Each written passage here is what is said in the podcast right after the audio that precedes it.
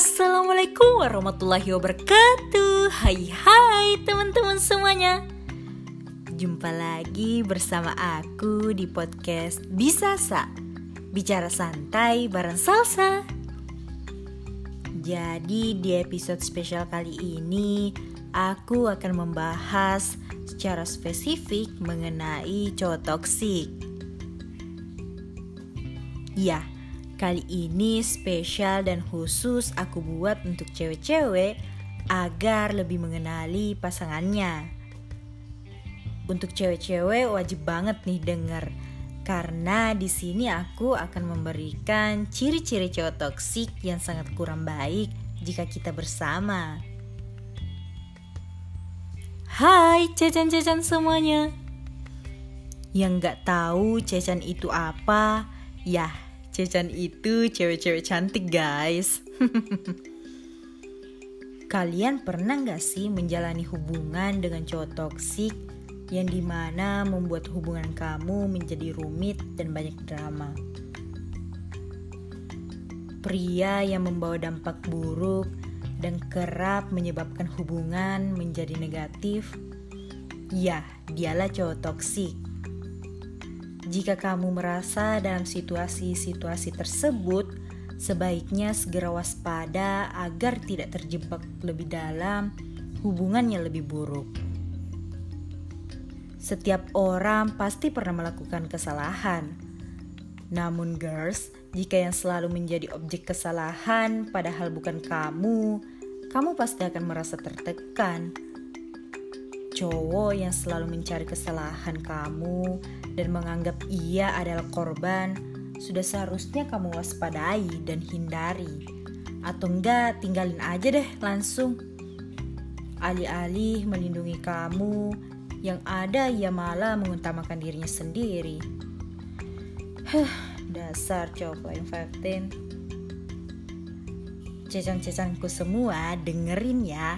Jika kalian sedang dekat atau menjalin hubungan, dengan orang yang sudah main tangan, bahkan tega melukai kamu, baik secara fisik maupun mental, sebaiknya kamu hindari dan tinggalin deh. Baru menjalin hubungan atau dekat aja, udah suka main tangan. Gimana kalau udah nikah? Wah, sifat kasarnya bisa saja semakin parah saat ia sedang marah. Girls, Jangan sampai kamu bertahan dengan cowok seperti itu ya. Bukannya kalian bahagia, yang ada malah nantinya kamu disakiti terus. Posesif. Posesif sih wajar jika kita masih pada tahap yang wajar-wajar saja. Karena posesif juga kita bisa mengartikan bahwa kekasih atau cowok kita hanya khawatir dan ingin memastikan kita baik-baik aja. Namun, jika posesifnya sudah melebihi batas wajar, hal itu juga tidak baik untuk hubungan. Ia akan meminta kabar kita setiap waktu, detik, menit, jam. Hal ini pastinya akan mengganggu privasi kita dan paling parahnya adalah dia sama sekali nggak percaya sama kita. Pasti capek kan selalu merasa dibuntuti oleh orang yang seharusnya bisa mempercayai kita. Saling menanyai kabar memang penting untuk tetap menjaga komunikasi agar tetap lancar dan menjaga kejujuran di dalam hubungan. Tapi jika terlalu posesif juga bukan merupakan hal yang baik. Terkadang kamu juga tidak bisa menjadi dirimu sendiri di hadapannya. Seperti yang kita ketahui, cowok toksik biasanya akan selalu mengatur segala hal dalam hidup kita agar sesuai dengan apa yang dia mau. Cukup merumitkan, bukan? Akibat dari hal tersebut, kamu tidak bisa menjadi diri sendiri dan terkadang menjalaninya dengan tertekan. Sebenarnya, jika cowok memberikan banyak masukan positif untuk mengubah sesuatu yang kurang baik pada diri kita, itu sih nggak masalah ya. Yang menjadi masalah adalah pada saat ia memaksakan semua kehendak harus berjalan sesuai apa yang ia mau, apalagi untuk hal yang tidak baik. Untuk cecan-cecanku semua, intinya jika ingin memilih pasangan, harus selektif dulu ya. Pelajari dengan baik dulu orang tersebut, perhatikan secara detail dirinya, latar belakangnya, dan segala sesuatu dalam dirinya. Jangan mudah luluh karena kita tidak tahu bagaimana seseorang. Bisa saja di awal sangat baik dan manis, tapi di tengah-tengah kita nggak tahu.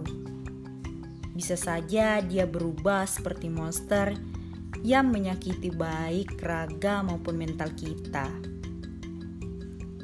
Tetap hati-hati dan waspada ketika sedang dekat dengan cowok yang belum kamu tahu secara spesifik bagaimana dirinya. Dan untuk yang lagi merasakan di fase ini yang berhubungan dengan cowok toksik, ada baiknya lepasin dan tinggalin aja deh.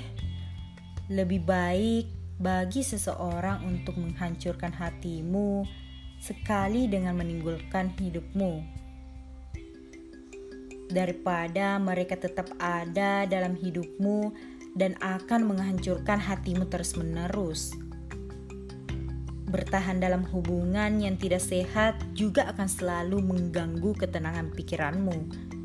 Jadi, lebih baik tinggalkan saja daripada kamu memilih untuk menyakiti diri sendiri secara mental, emosional, dan terkadang fisik.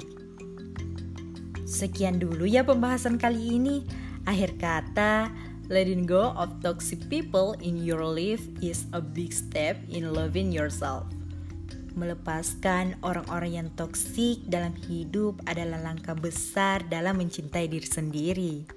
Aku Andi Salsabila pamit. See you in the next episode. Sending heart virtual guys. Bye bye.